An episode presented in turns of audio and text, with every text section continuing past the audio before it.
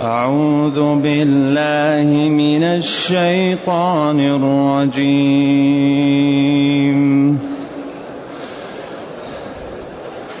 وربك أعلم بمن في السماوات والأرض. ولقد فضلنا بعض النبيين على بعض. ولقد فضلنا بعض النبيين على بعض وآتينا داود زبورا. قل ادعوا الذين زعمتم من دونه فلا يملكون فلا يملكون كشف الضر عنكم ولا تحويلا. أولئك الذين يدعون يبتغون إلى ربهم الوسيلة.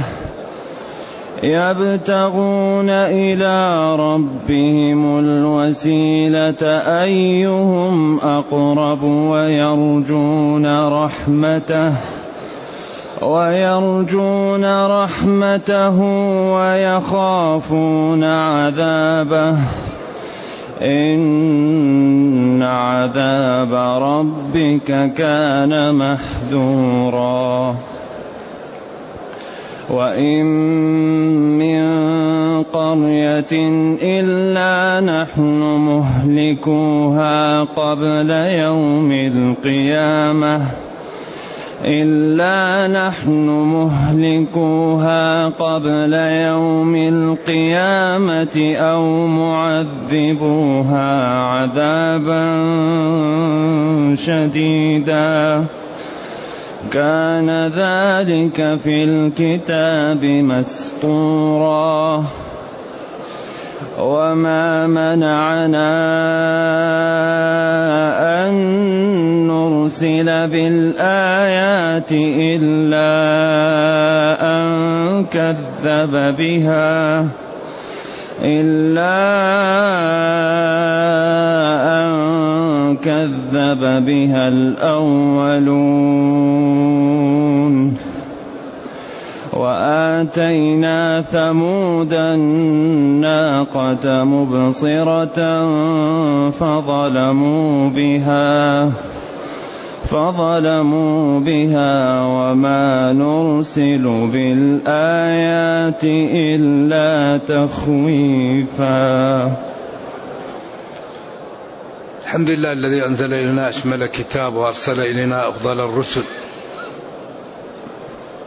وجعلنا خير أمة أخرجت للناس فله الحمد وله الشكر على هذه النعم العظيمة والآلاء الجسيمة والصلاة والسلام على خير خلق الله وعلى آله وأصحابه ومن اهتدى بهداه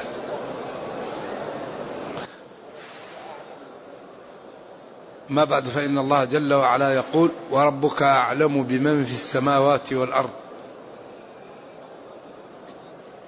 يعني لا تخفى عليه خافية. وكل شيء مكتوب عنده. إذا يهدي من شاء ويضل من يشاء ويوفق من يشاء ويمن على من يشاء. فلا راد لحكمه ولا مدفوع ما قضاه. وكل شيء لا يخفى على الله. ولذلك فضل بعض النبيين على بعض. لعلمه فضل بعضهم ومن على بعضهم. ولذلك قالت رسلهم إن نحن إلا بشر مثلكم ولكن الله يمن على من يشاء من عباده. وربك أعلم بمن في السماوات والأرض. أي عالم به لا تخفى عليه خافية. لا يشاركه في ذلك شيء. ولذلك وإن مدت الأيدي إلى الزاد لم أكن بأعجلهم. أي لم أكن عاجلا. أعلم أي عالم. على أصح التفاسير. ولقد فضلنا بعض النبيين على بعض. كما قال تلك الرسل فضلنا بعضهم على بعض. منهم من كلم الله ورفع بعضهم درجات. وآتينا عيسى بن مريم البينات. وبعدين هنا قال وآتينا داود زبورا. و والزبور الذي آتيناه داود قلنا فيه ولقد كتبنا في الزبور من بعد ذكر أن الأرض يرثها عبادي الصالحون. إن في هذا لبلاغا لقوم عبد إذا وآتينا داود زبورا فضلناه فيه وأشرنا فيه إلى فضل النبي صلى الله عليه وسلم وأمته. لأنه هو أفضل البشر. صلوات الله وسلامه عليه. ولا يؤمن أحدكم حتى أكون أحب إليه من والده وولده والناس أجمعين. ولما قال عمر أنت أحب إلي من كل الناس إلا نفسي قال له لا يا عمر. قال له الآن أحب إلي من نفسي. قال له الآن قل ادعوا الذين زعمتم من دونه. قل لهم يا نبي ادعوا اطلبوا واعبدوا. الذين زعمتم ادعيتم من دونه أنهم ينفعونكم أو يضرونكم. يقال إن بعض العرب كان يعبد بعض الشياطين.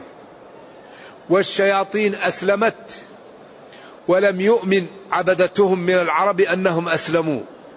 فأصبح هؤلاء العرب الإنس يعبدون الجن والجن يعبدون الله. لأنهم لا يدرون عنهم وقيل يعبدون بعض الإنس. كانوا يعبدون عزيرا وعيسى. وعزير وعيسى يعبدون الله.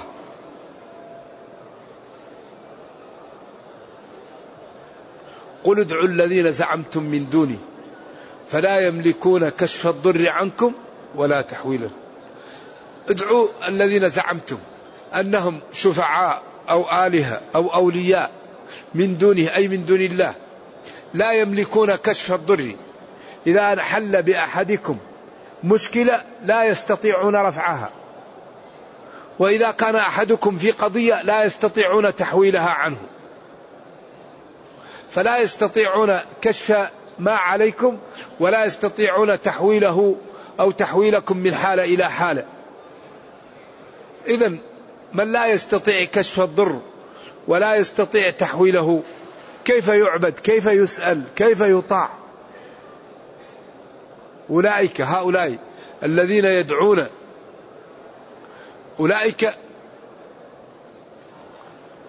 الذين يدعونهم يدعون الله أولئك مبتدأ الذين يدعون صفة أو خبر يبتغون إلى ربهم الوسيلة يمكن خبر أو حال أيهم أقرب مبتدأ وخبر؟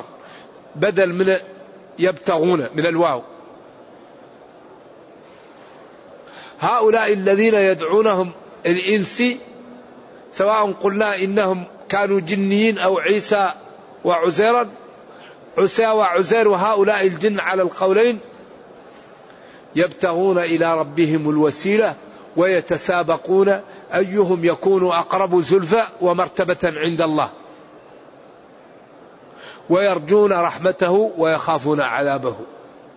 ما لكم أنتم يا عبدة غير الله فإنهم هم يعبدون الله وأنتم تعبدونهم. أين عقولكم؟ الذين تعبدونهم يعبدون الله. فبأي حق يحصل لكم هذا؟ لذلك من يضلل الله فلا هادي له. يقضى على المرء في أيام محنته حتى يرى حسنا ما ليس بالحسن. ذلك إذا أضل الله العبد فلا هادي له. ذلك كان من دعاء نبينا يا مقلب القلوب ثبت قلبي على دينك. إن عذاب ربك كان محذورا. إن توكيد. عذاب عقوبة. ربك خالقك ومدبر أمرك. محذورا أي مخوفا. محذرا منه. منهيا عن قربانه عن أسبابه. إن عذاب ربك كان محذورا. مخوف محذر منه و و و ومأمور بالابتعاد عن عذاب الله. أي أسبابه؟ الكفر الظلم الطغيان الربا عقوق الوالدين أذية الجيران النجش. تخلف عن صلاة الجماعة الوقوع في أعراض المسلمين. كل هذا يسبب عذاب الله. محذور أي محذر منه ومخوف مخوف منه.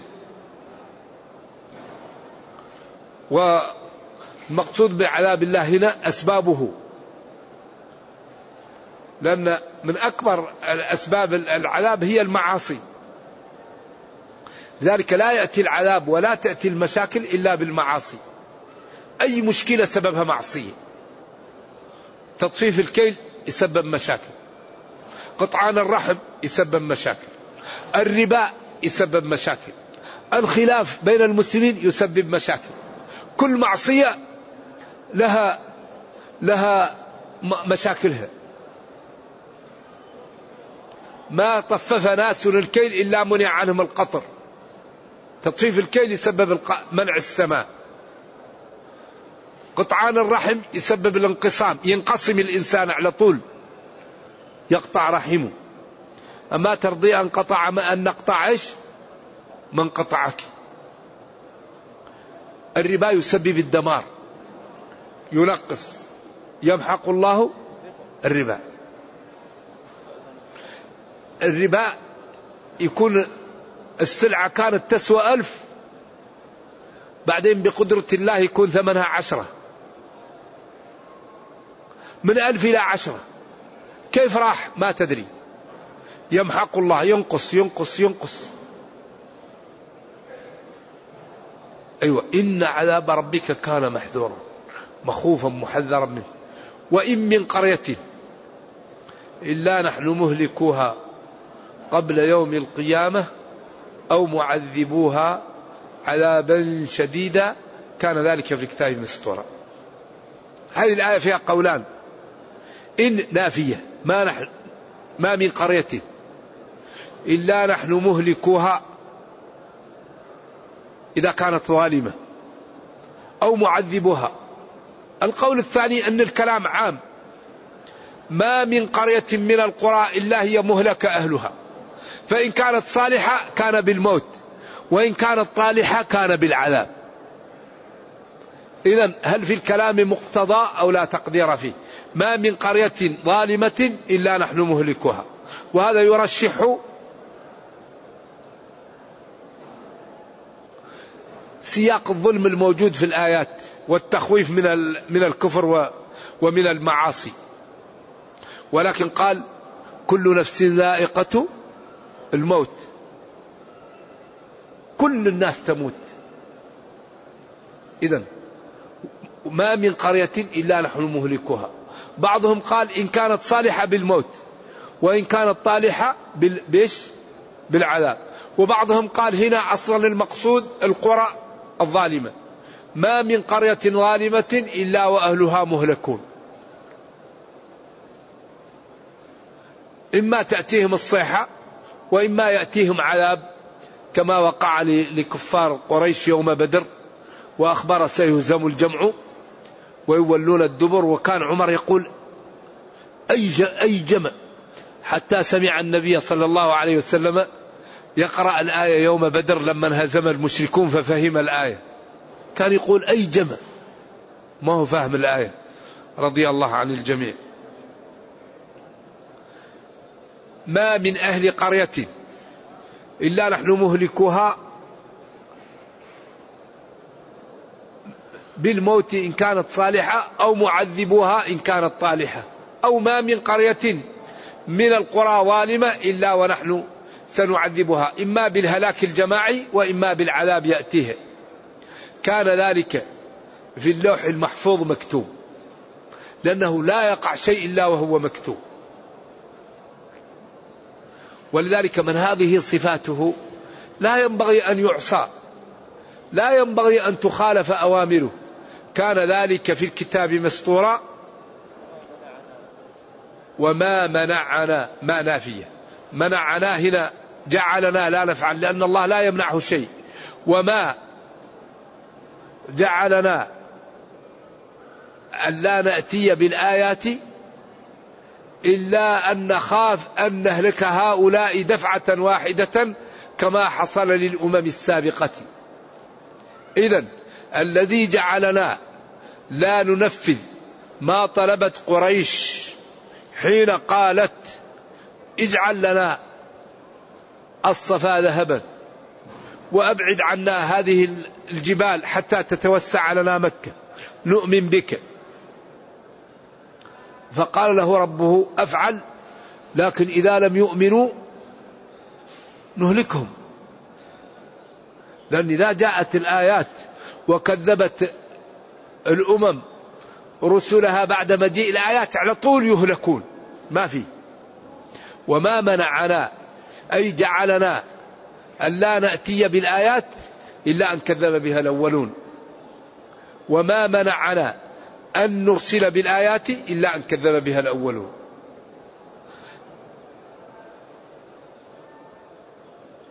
أن نرسل مصدر منصوب بنزع الخافض. أن كذب بها الأولون أن وما دخلت عليه مصدر فاعل منعنا. منعنا من إرسال الآيات تكذيب الأولين. أيوه. أن الأولى وما دخلت عليه في تأويل مصدر منصوب بنزع الخافض وأن الثانية وما دخلت عليه في تأويل مصدر فاعل لمنعنا. أي منعنا من إرسال الآيات تكذيب الأولين وقد أهلكوا فإن أنزلنا الآيات وكذب هؤلاء أهلكناهم ونفذنا عليهم ما نفذنا على من سبقهم من المكذبين حين جاءتهم الآيات. والمثال ماثل وهو الناقة. وآتينا ثمود الناقة آية واضحة لا لبس فيها. إذا هذا رحمة بهم ولذلك قال له لا اتركهم لعل الله يجعل من أصلابهم من يؤمن أو يتوب بعضهم. ولذلك لم يبعد عنهم الأخشبين ولم يجعل الصفا ذهبا وقال نبينا صلى الله عليه وسلم رب اغفر لقومي فإنهم لا يعلمون. وكان بالم... يعني حريص عليهم. لقد جاءكم رسول من أنفسكم عزيز عليه ما عنتم حريص عليكم. فكان حريص على قومه أن الله يهديهم ولا يعذبهم ولذلك لم يأتيهم بالآيات. ونجوا مما حل بمن سبقهم من الهلاك الجماعي. وآتينا أعطينا ثمود قوم صالح الناقة جعلناها لهم. آية واضحة لا لبس فيها فكفروا بها. فحل عليهم العذاب والنقمة وأهلكوا عن جميعهم لم يبق منهم أحد. تمتعوا في داركم فعقروا الناقة وعتوا عن من ربهم وقالوا يا صالح ائتنا بما تعدنا إن كنت من إيش؟ من الصادقين فأخذتهم الرجبة فأصبحوا في دارهم جاثمين لم يبق منهم أحد إذا منعنا من إرسال الآيات إلى قريش ما حصل بالأولين فإنا إذا أنزلنا عليكم الآيات وكذبتم بها أهلكتم جميعا. ودليل ذلك إعطاؤنا الناقة واضحة فظلموا بها. وما نرسل بالآيات إلا تخويفا نرسل الآيات هنا محتمل أن تكون الآيات المعجزات ومحتمل أن تكون الآيات التي هي الأدلة والبراهين الموجودة في القرآن من الوعد والوعيد تخويفا لمن لا يتوب وتحذيرا لمن يسوف. وإذ قلنا لك يا نبي إن ربك أحاط بالناس علما وقدرة وملكا ورزقا. أحاط بالناس. قادر عليه. عالم بأمورهم يعطي لكل واحد ما يحتاجه يدفع عن كل واحد ما يضره. أحاط بالناس. إذا من هذه صفاته؟ ينبغي أن يطاع. ينبغي أن لا تنتهك نواهيه. ينبغي أن تنفذ أوامره. ينبغي أن تعلم العبادة التي شرع على العبد ليؤديها كاملة ليأخذ أجرها كاملا. كثير من المسلمين لا يهتم بمواصفات العبادة المطلوبة. فيكون أجره ناقصا أو معدوما. لأن كل عبادة لها مواصفات مطلوبة به.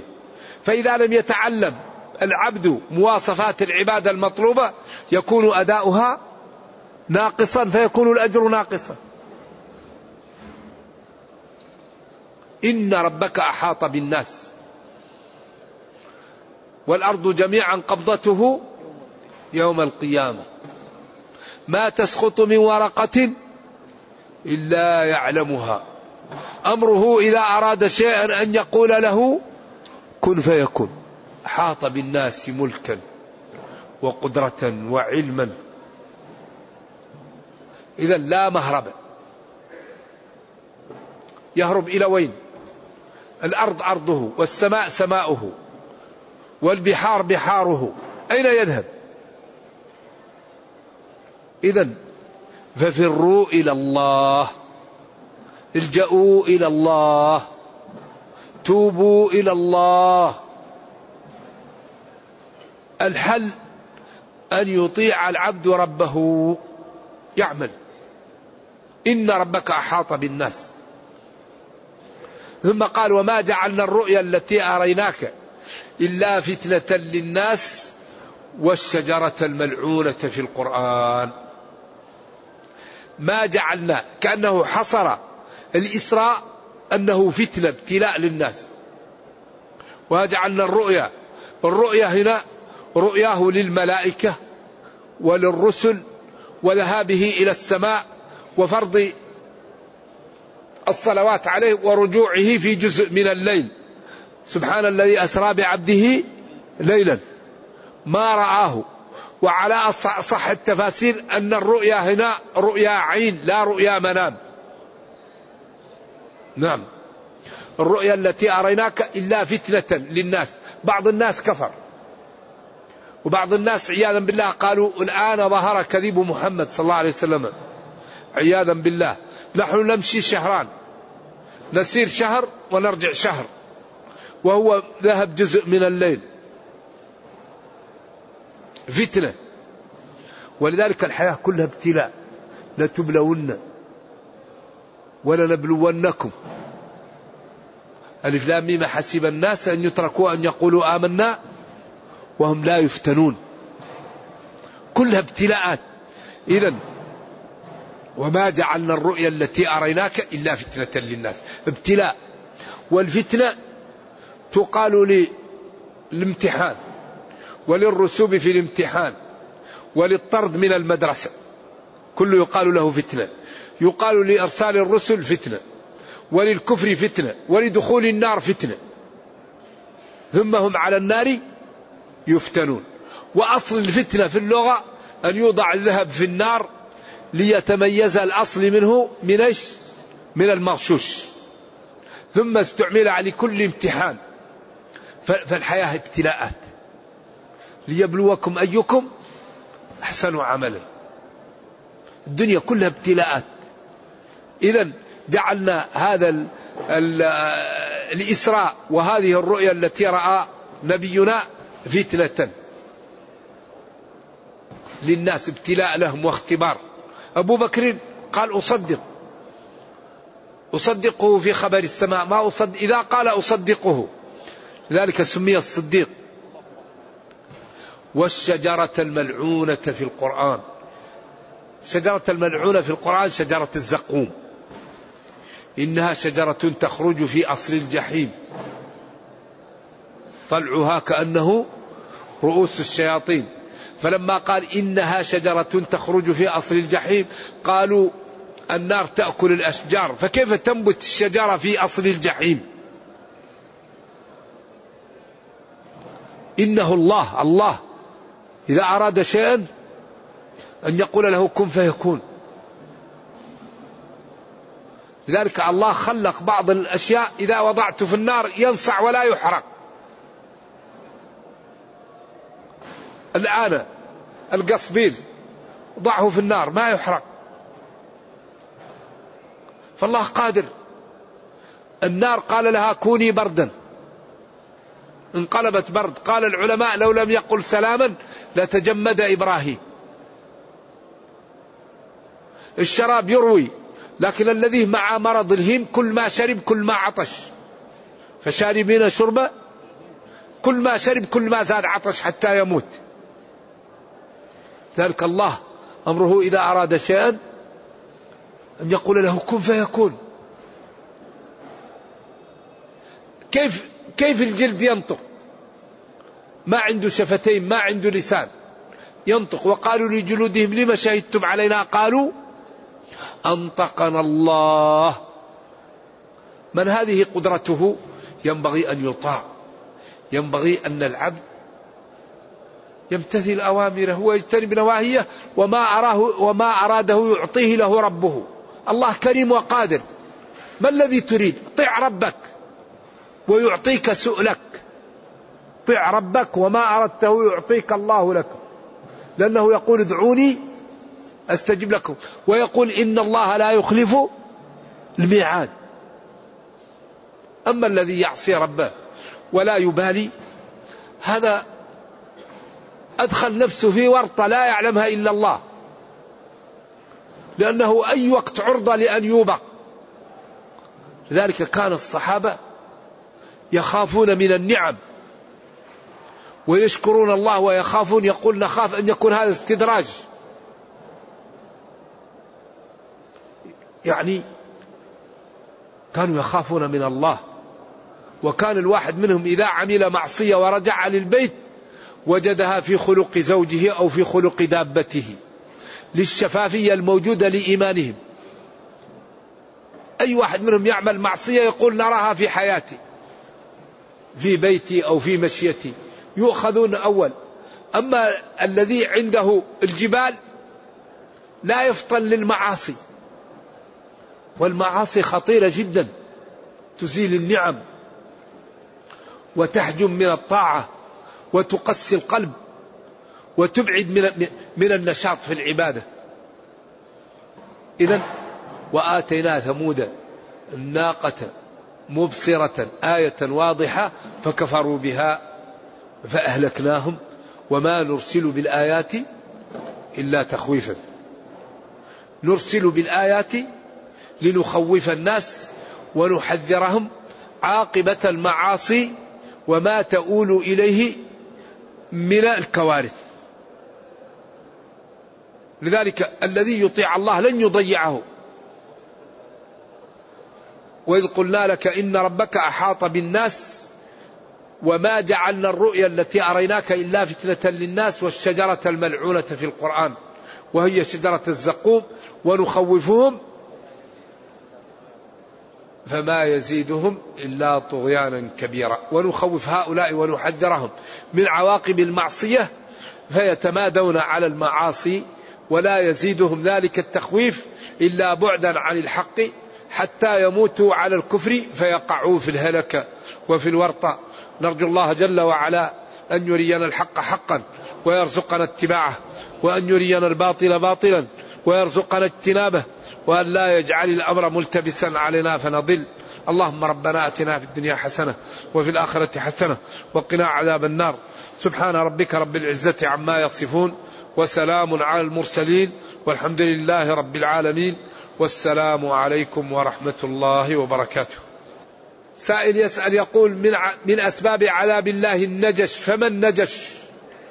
النجش أن يزيد الإنسان في السلعة المعروضة للبيع وهو لا يريد شراءها. ليرفع السعر على المشتري وهو لا يريد الشراء. وهذا غش وعيب ومحرم. الغش لا يجوز. فلا يجوز للإنسان أن يزيد في السلعة إذا كانت يحرج عليها إلا إذا كان يريد الشراء. أما يكون صاحب السلعة يأتي بناس ويرفع السلعة على الذين يريدون الشراء فهذا ينجس ماله. ما يجوز هذا. ولذلك شر البقاع ما هي؟ الأسواق لأن فيها الصخب وفيها الظلم وفيها الغفلة. وأفضل البقاع لأن فيها الصلاة وفيها الذكر وفيها قراءة القرآن. هذا كلام من جوامع الكلم. أدخل المسجد وانظر واحد يصلي واحد يقرأ واحد يبكي واحد يدعو. أذهب إلى السوق واحد يغش واحد يصيح. سبحان الله تجد شيء في الفرق. واحد غافل. لذلك ديننا دين عجيب الإسلام فحري بنا أن نفهمه. أهم شيء نعطي الوقت لهذا الدين. لا بد أن نعطي وقت لديننا. كل واحد منا يعطي وقت للدين كما يعطي وقت لماله وولده. نعم نكتفي.